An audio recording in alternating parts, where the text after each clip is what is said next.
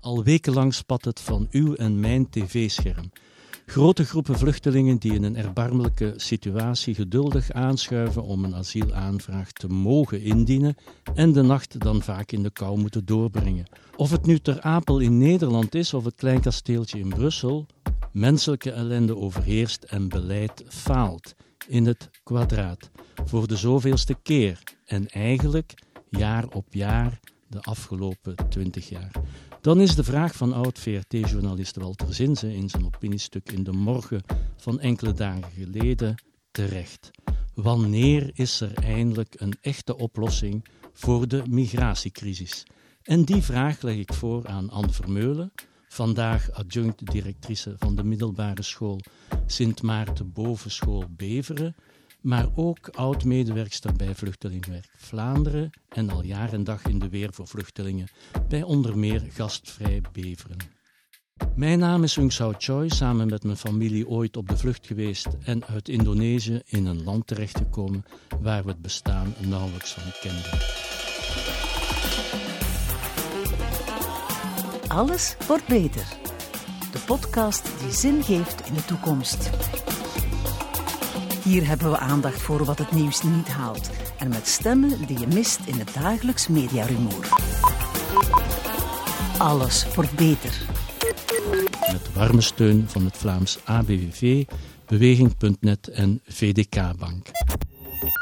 Voor de huidige crisis hoor ik eigenlijk maar één oplossing. Dat is een afschrikkingsbeleid waarbij mensen op straat kunnen blijven slapen vanuit een idee dat schrikt degene die nog moeten komen af. Nee, niet echt. Allee, ik heb u net gezegd, we hebben 31.000 plaatsen. Er zitten 9.000 Afghanen in op dit moment, ja, waar nu een beslissing over genomen wordt. Je zit nu met een tijdelijk probleem. Personeelsbezetting, plaatsen. Maar gaat u ze wegkrijgen, meneer Lachaert, die 9.000? Meneer De Vadder, uit die opvangplaatsen gaan ze sowieso weg als er een beslissing genomen is over hun asielprocedure. maar dan eindigen ze in illegaliteit. Dan, dan ga je geen bad, bed uh, meer aanbieden en die plaatsen komen vrij. En hoe we ze dan moeten repatriëren is een discussie inderdaad met verdragen die je moet sluiten. Maar die gaan uit die plaatsen. Ja. En waar gaan die 9000 dan naartoe volgens u, meneer maar, sorry, Ik ben niet de staatssecretaris voor asiel en migratie, meneer De Vadder. Daarvoor moet u ja. die uitnodigen. Maar die, zullen, die zullen moeten Maar dat, dat is een beetje een beleid met een ogen dicht. We, we, maken 9000 plaatsen, maar waar die dan heen gaan, nee, dat weten we. Maar wij maken geen 9000 plaatsen, meneer De Vadder. Ze komen automatisch vrij.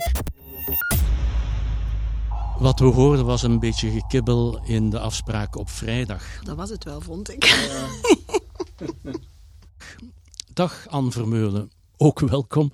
Uh, voor we aan de slag gaan, uh, laten we even kort je voorstellen. In een eerder leven werkte je voor Vluchtelingenwerk Vlaanderen. Maar je bent nu ook druk als adjunct-directrice van een school met nogal wat ook aan leerlingen uh, die ook aan eigenlijk achter de rug hebben. Klopt dat? Toen ik daar in 1999 begon, was die school eigenlijk bijna uitsluitend een witte school. Ondertussen is die school een diverse school geworden. En ik denk dat we daarin niet alleen zijn. Vroeger was het alleen in de stedelijke context dat we het eerst zagen. Maar nu zie je eigenlijk ook in de grootstedelijke context, maar ook evengoed, als we dat dan nog kunnen zeggen, in de kleine, iets meer landelijke gemeentes. Beveren, gastvrij beveren, dat, uh, dat zegt jou veel. Maar mag ik eens vragen, wat doe je daar precies? Als vrijwilligster, vermoed ik. Ja, klopt. Gastvrij beveren is gestart in 2016, omdat er toen een heel groot opvangcentrum in Calo is gekomen. En we meteen wel merkten dat er meer nodig was dan wat Fedasiel of het Rode Kruis op dat moment kon bieden. En we zijn inderdaad de groep vrijwilligers die zorgt voor de noden die er op dat moment zijn, of dat we die kunnen ondersteunen. Dat gaat van Nederlandse les, dat gaat van het zoeken naar een woning, gaat van leren fietsen, uh, gaat soms ook over puur administratieve zaken, gaat over mensen die ofwel wel erkend worden, of mensen die uiteindelijk een nee krijgen, en dan kijken hoe dat we deze mensen kunnen ondersteunen. Oké. Uh, we hebben je uitgenodigd uh, omdat je een verfrissende kijk hebt, hebben we ergens gelezen, uh, op de conventie van Genève, uh, zeg maar de hakbijl bij wijze van spreken in het vluchtelingenrecht en asielbeleid. Uh, want dus op basis van vijf criteria, heb ik goed begrepen, uit die conventie wordt dus eigenlijk het kaf van het koren gescheiden, om het zeer grof uit te drukken. Misschien even kort, wat is die conventie van Genève precies? Dat is eigenlijk een internationale afspraak waar bijzonder veel landen zich achtergeschaard hebben. En het is ontstaan na de Tweede Wereldoorlog als een soort antwoord op de noodsituatie die er toen was. Mensen die niet konden terugkeren naar het eigen land, specifiek bijvoorbeeld de Joden. En dan moest men een oplossing zoeken. In eerste instantie keek iedereen een beetje weg van wij gaan het niet doen. Maar dan moest men toch zoeken naar een soort internationale afspraak waarbij we allemaal gingen proberen om hetzelfde te doen. Op dat moment was de urgentie groot, maar was ook wel de wil erg groot. Omdat men besefte, wij moeten iets doen, zodat die mensen die op dit moment niet kunnen terugkeren, toch ergens een nieuwe toekomst kunnen uitbouwen.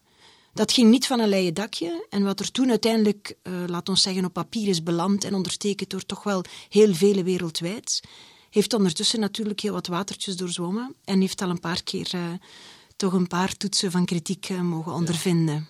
Kan je toch even kort samenvatten, want die vijf criteria, wat, wat, wat, wat houden die juist in? Ja, eigenlijk is het zo dat als je onder de Conventie van Genève gaat kijken, dan kan je erkend worden als vluchteling als je specifiek persoonlijk nadeel ondervindt van een situatie. En het gaat hier echt over een persoonlijke risico, een persoonlijke dreiging. En dat is ook wel belangrijk, omdat we heel vaak zien dat mensen spreken over een land of over een hele regio, maar eigenlijk gaat het over een individuele casus. Dus als wij hier beroep doen op het vluchtelingenstatus, dan moet je persoonlijk kunnen aantonen dat jij een risico loopt. Bijvoorbeeld omwille van politieke ideeën, bijvoorbeeld omwille van uw uh, vervolging, omwille van behoren bij een sociale groep, maar het kan ook gaan omwille van de religie. Het kan eigenlijk een aantal zaken die daaronder zitten. En die zijn beperkt natuurlijk, want die vijf die worden specifiek genoemd, maar ondertussen is de realiteit wel uitgebreid en hebben wij nieuwe situaties die al dan niet afhankelijk van de interpretatie daaronder vallen. Daar gaan we meteen uh, zo dadelijk uh, over verder. Dus ja, in ons land blijkt uit cijfers van het Commissariaat voor Vluchtelingen en Staatslozen dat zes op tien mensen, omwille van die conventie van Genève, asiel juist wordt geweigerd. Die cijfers van erkenning die variëren. Als we een beetje teruggaan in de tijd, dan zien we dat in een fase bijvoorbeeld er ook een periode geweest is dat we meer dan de helft erkenden. We zitten nu in het omgekeerde scenario, dat meer dan de helft van de mensen die een verzoek om internationale bescherming indienen, die niet krijgen.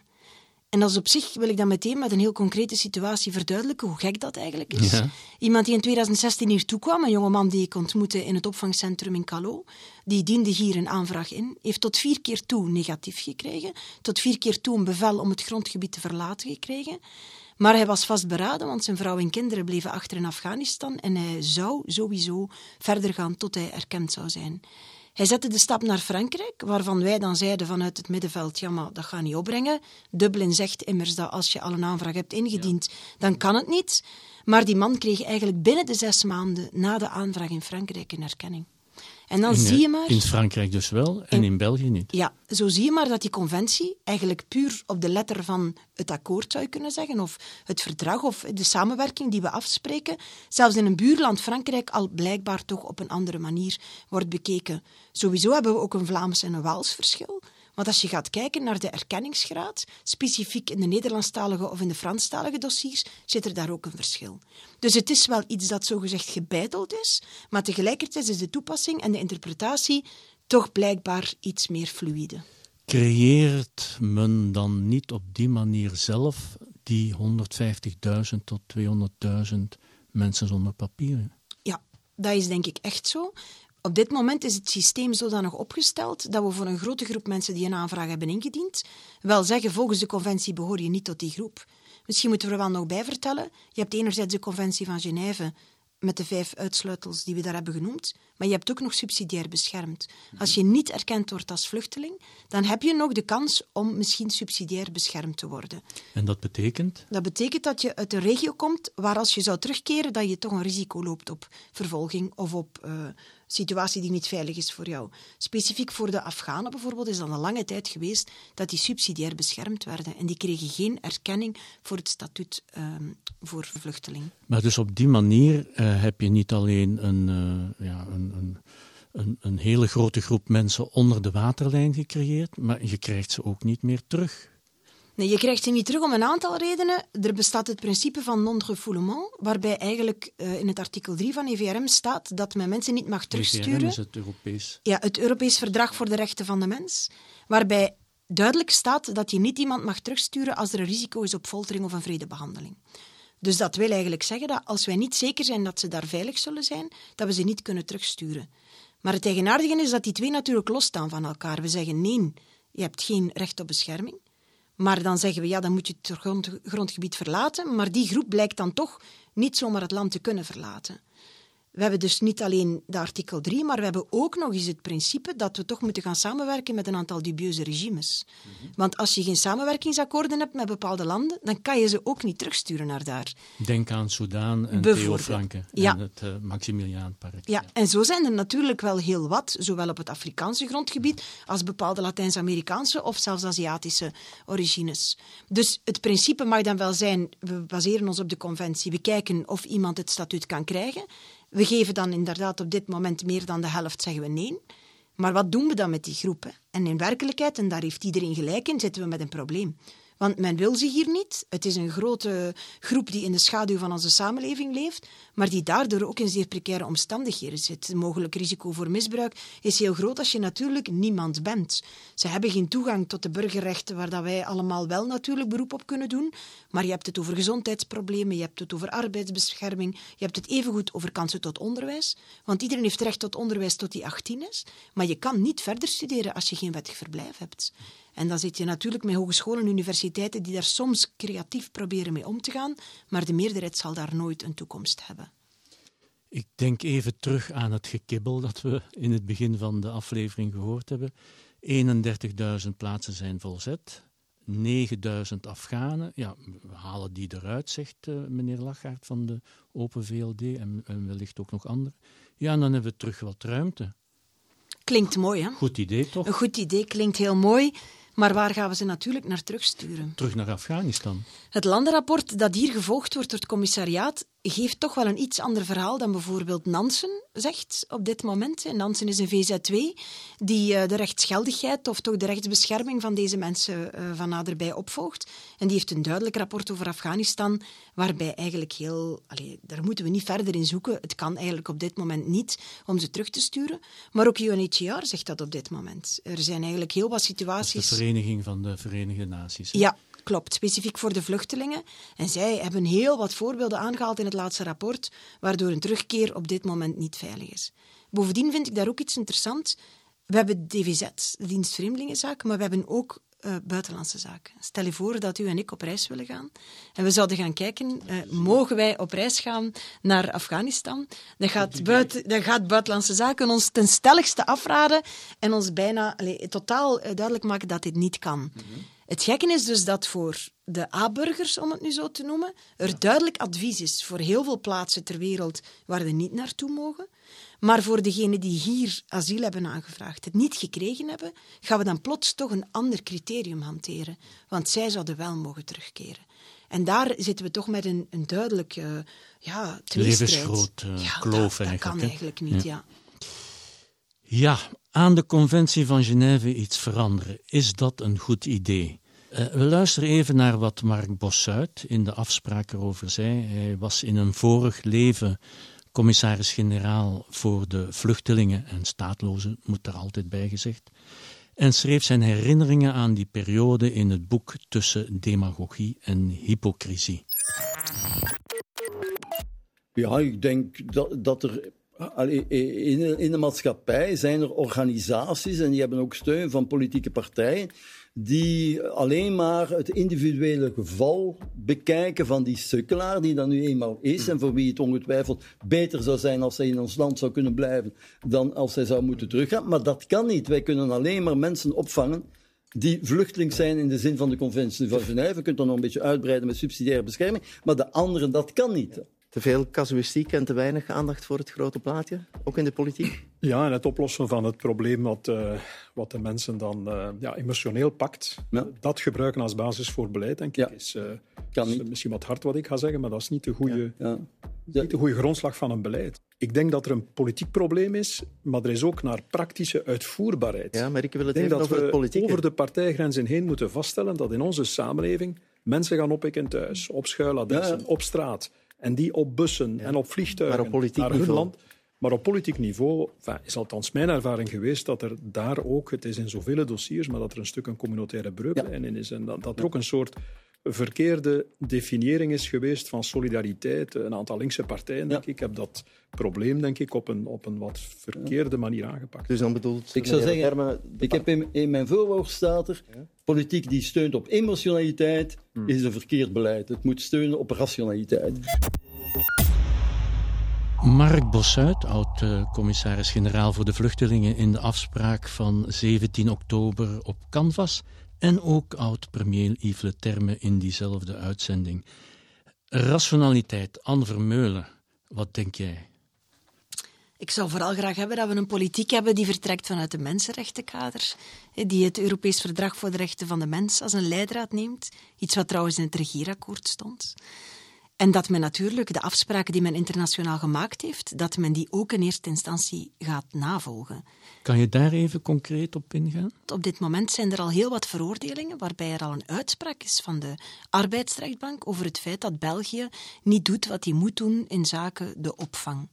Dus onder die conventie staat niet alleen de voorwaarde wanneer je erkend kan worden, maar daar staat ook bij dat die daarna eigenlijk wel behandeld moeten worden als uw eigen burgers. En onder andere hebben wij er dan bedbadbrood van gemaakt. Maar op dit moment kunnen we dat niet bieden. Dus elke dag opnieuw, zeker nu bijvoorbeeld, als er een paar dagen vakantie geweest zijn, dan wist men eigenlijk op voorhand dat de rij nog groter ging zijn en dat het aantal mensen die recht heeft op opvang het toch niet zou krijgen.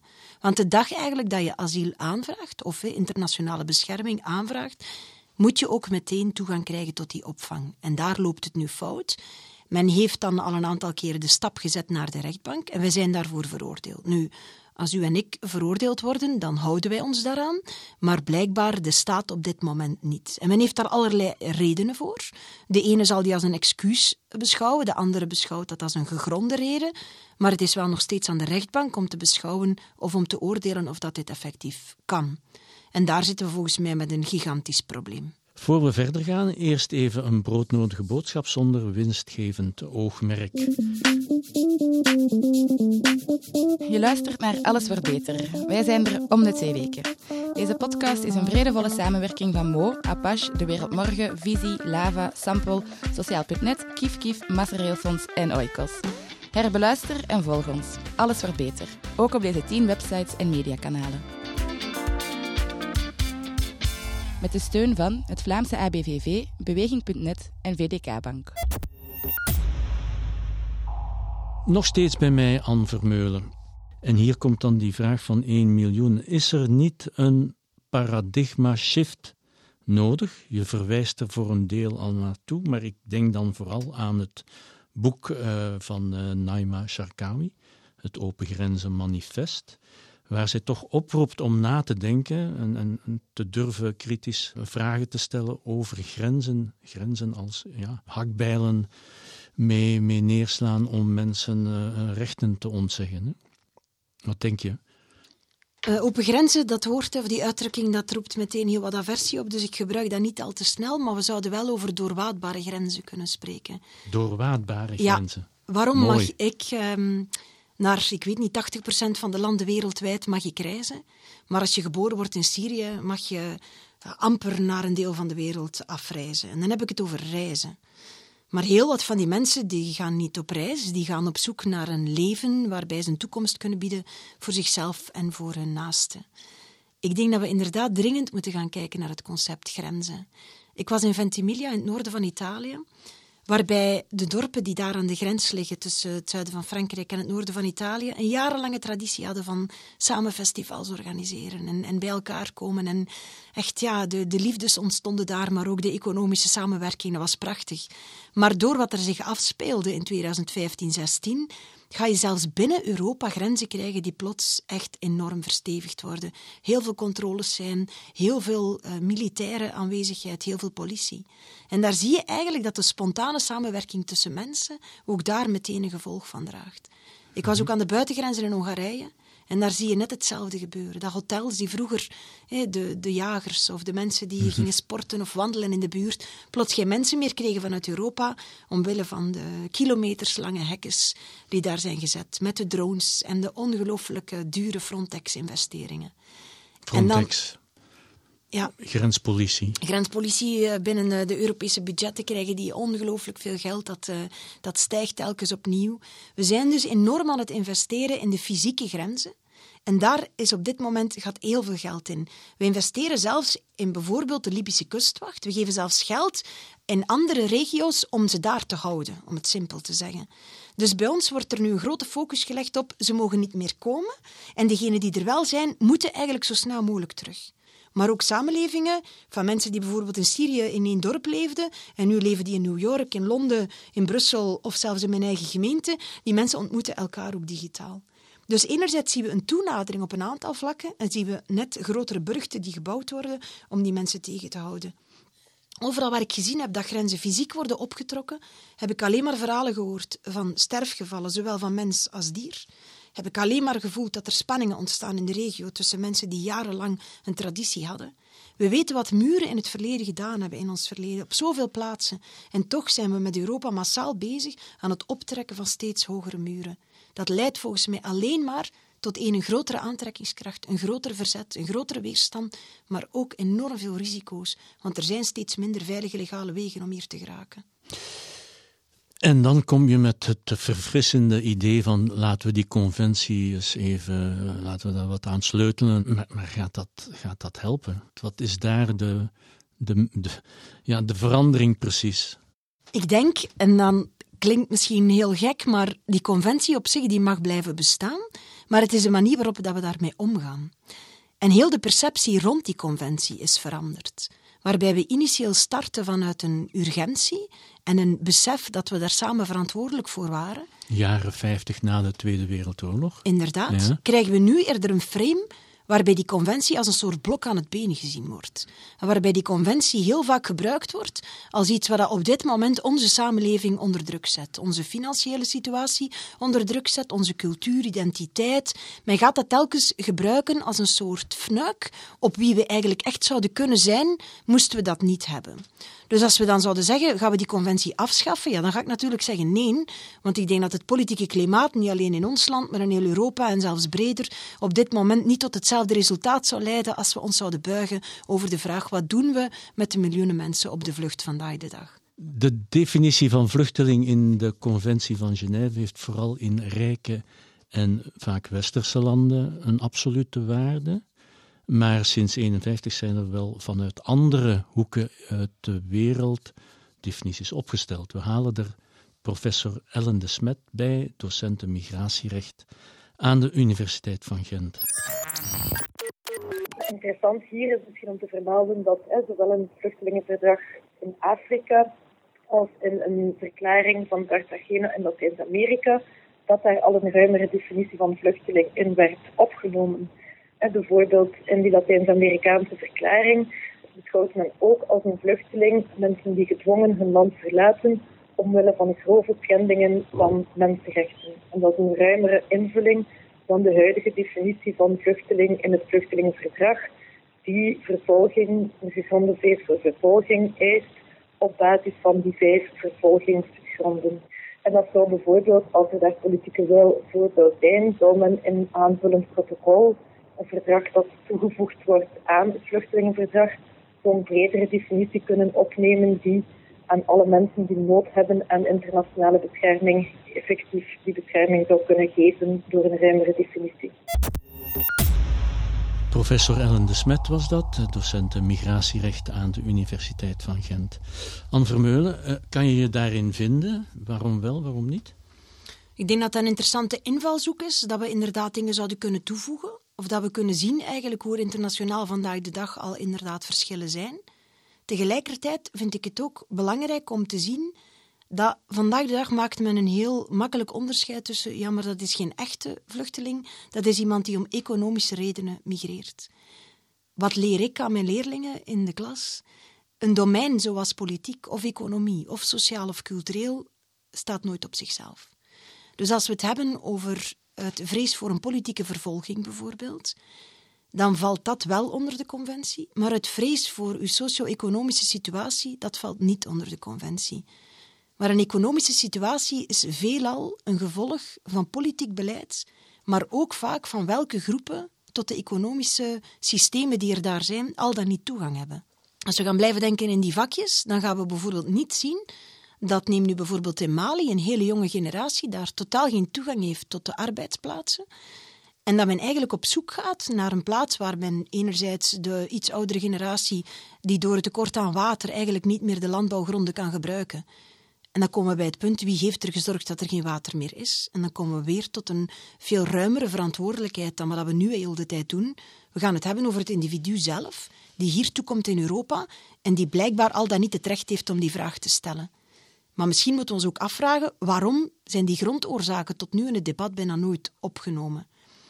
Ik kom terug naar mijn situatie in Mali. Die jongeren die zelf geen kans hebben om een deftige plaats te krijgen op de arbeidsmarkt. Omdat bijvoorbeeld heel wat internationale CEO's, uh, inmenging van Rusland, uh, van oude kolonies en anderen, op dat moment de winst blijven hypothekeren en niet zullen zorgen dat zij ook toegang hebben tot een betaalbaar of zelfs ja, een job die toekomstgericht ook wel ambitie uh, ook wel kan groeien.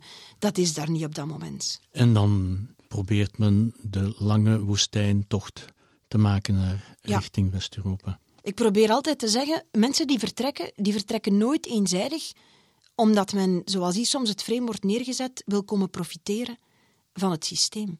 Mensen vertrekken altijd omdat ze van overtuigd zijn dat hun leven beter kan als men vertrekt. En dat beter kan, daar zitten natuurlijk heel veel variaties op. Soms is beter al niet meer moeten vrezen voor uw leven. Daar zijn we het snel over eens, dat we daar heel vaak wel over nadenken. Kan dat? Maar als het gaat geen toekomst meer hebben omdat er milieuvervuiling is. Of als we het hebben over geen toekomst hebben omdat de overstromingen zodanig zijn toegenomen. Pakistan vandaag de dag is een ramp. Wordt amper in het nieuws vermeld. Maar het is daar een, een ongelooflijke catastrofe waarbij mensen eigenlijk al weken boven het water leven en eigenlijk geen toegang hebben tot alle mogelijke vormen die menswaardig zou kunnen zijn. Wel, daar krijg je een heel andere situatie natuurlijk. Dat valt niet onder één van de vijf, op dit moment vijf vastgestelde criteria, maar uiteraard heeft dat ook een oorzaak. En die oorzaken die zitten eigenlijk wel vervat in die conventie. Maar het is maar te zien hoe je, ze gaat interpreteren. Ja. Maar is het in die zin niet nuttig, even terug theoretiseren, die verklaringen van Cartagena uh, en van, uh, van de Organisatie van Afrikaanse Eenheid, jaren 60, jaren uh, 80 uh, van die mee te proberen te integreren in die conventie als bijlage of als uh, ja, annex of, ja. op welke manier dan ook. Is dat, dat een goed ik idee? Ik denk dat het goed is om er amendementen aan toe te voegen, gezien dat de realiteit veranderd is. Dus daar volg ik helemaal de nood in. En dat zorgt er ook voor dat de vrijblijvendheid, want bijvoorbeeld er zijn Europese landen of zelfs landen die de conventie getekend hebben, die een totaal andere toepassing hebben. Je moet maar eens kijken naar de cijfers, hoeveel mensen in Hongarije, in Polen, eh, maar ook Bosnië, Servië, andere landen, die gaan op totaal andere manier om met de realiteit vandaag. Dus ik ben er wel van overtuigd als je het gaat verfijnen en dingen gaat toevoegen, maar nooit het geheel terug ter discussie stellen, want dan komen we volgens mij tot een veel armer scenario. Maar amendementen toevoegen, de realiteit is veranderd, dus ja, absoluut, dat zullen we moeten doen. Ik wou daar net al even tussenkomen met een, een quote die, denk ik, heel veel gehoord is onder de bevolking, namelijk België kan niet iedereen asiel geven, hoe erg het ook in hun thuisland ook gesteld is. Eh, we zijn wel echt van goede wil, maar als we dat doen, dan stort heel ons welvaartssysteem in elkaar. Daar heeft men toch wel een punt, niet? Moeilijk. Hè? Als je het zo bekijkt vandaag de dag, dan denk ik dat we puur financieel inderdaad kunnen zeggen: oei, dit doet ons land heel erg veel pijn. We hebben al heel wat uitdagingen. We kunnen dit niet blijven trekken. Maar laat ons misschien eens kijken hoe het komt dat dit vooral financieel, want als we zeggen vol is vol, laat ons eerlijk zijn, dat gaat over we trekken het financieel niet meer. Want het kan niet dat we zeggen, dit is hier puur, er is geen plaats. Ik bedoel, er zijn plaatsen in de wereld waar men met veel meer samenleeft en waarbij de uitdrukking vol is vol helemaal niet aan de orde is. Dus ik vind al dat men eerlijk moet zeggen, het gaat over geld. Het gaat over geld en het gaat over die goodwill waar we het er net over hebben. Willen wij, zijn wij solidair, willen wij daar tijd, ruimte en geld in investeren? Maar dan zie je bijvoorbeeld dat mensen die een asielaanvraag indienen, en iedereen zegt het is niet oké, maar men blijft wel een heel lange fase in een fase zitten waarbij het leven op pauze wordt gezet. En in die pauze komen we bovendien nog terecht in, terecht in opvangcentra die heel onmenselijk werken. Ik ben er in vele geweest, zowel in het binnenland als in het buitenland. En ik denk niet dat er één mens beter uit een opvangcentrum komt dan dat hij erin is gekomen. Dus die mensen die dienen een aanvraag in, maar op dat moment wordt hun leven onhold gezet. Er zijn natuurlijk wel mogelijkheden om te gaan werken, maar die blijven beperkt. En dat zijn ook heel wat drempels die men moet overwinnen. Ik geloof heel sterk dat als we die mensen die hier komen meteen een gevoel van belonging geven, dat we die mensen ook niet voor een lange tijd zullen moeten ja, onderhouden. Dat we het systeem dat we nu hebben van de sociale zekerheid vrij snel op een andere manier zouden kunnen benaderen voor hem. Ik geef een concreet voorbeeld. In 2016 was ik verantwoordelijk voor een OCAN-groep. Er waren 32 niet begeleide jongeren die bij ons kwamen. Als ik nu kijk waar die terecht zijn gekomen, dan kan ik echt zonder één groot onderzoek wel zeggen op basis van deze groep, alleen diegenen die een voogd hadden, of een pleeggezin hadden, of een advocaat hadden, die echt meer deed dan het minimum, zij zijn op dit moment degenen die bij ons in ons onderwijs voor de klas staan, gestudeerd hebben, die een eigen zaak hebben opgestart en die er staan. Die mensen, dat is duidelijk een meerwaarde voor onze samenleving.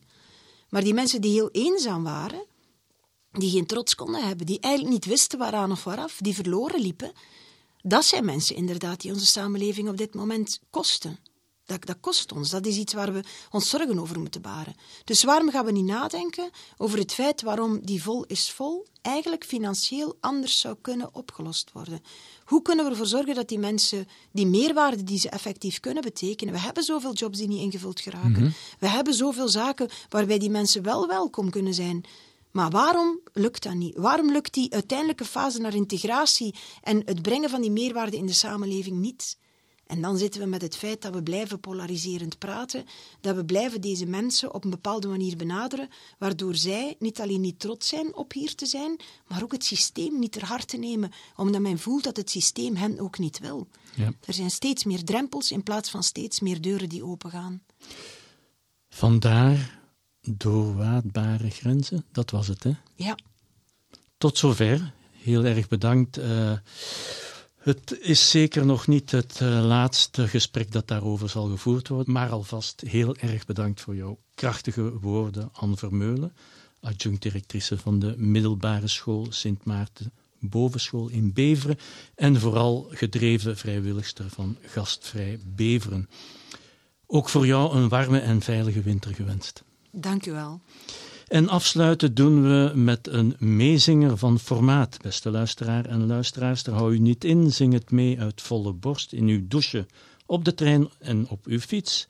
Iedereen is van de wereld en de wereld is van iedereen. Van de Sien en vooral van Telau uit 1990 alweer. Toegegeven, het is meer dan een missie geworden, alles wordt beter.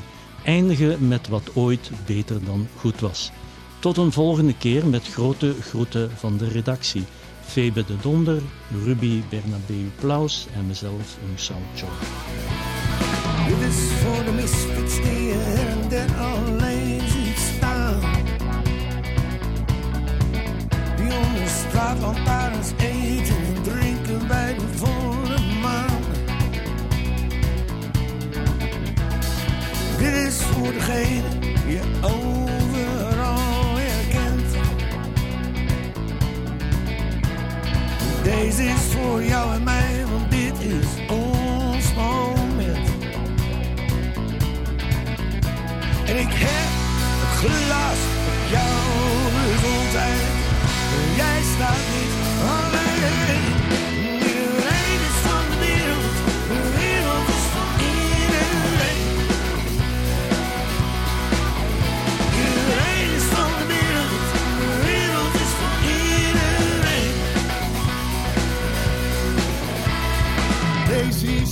Iedereen die passie heeft en die voor passie gaat.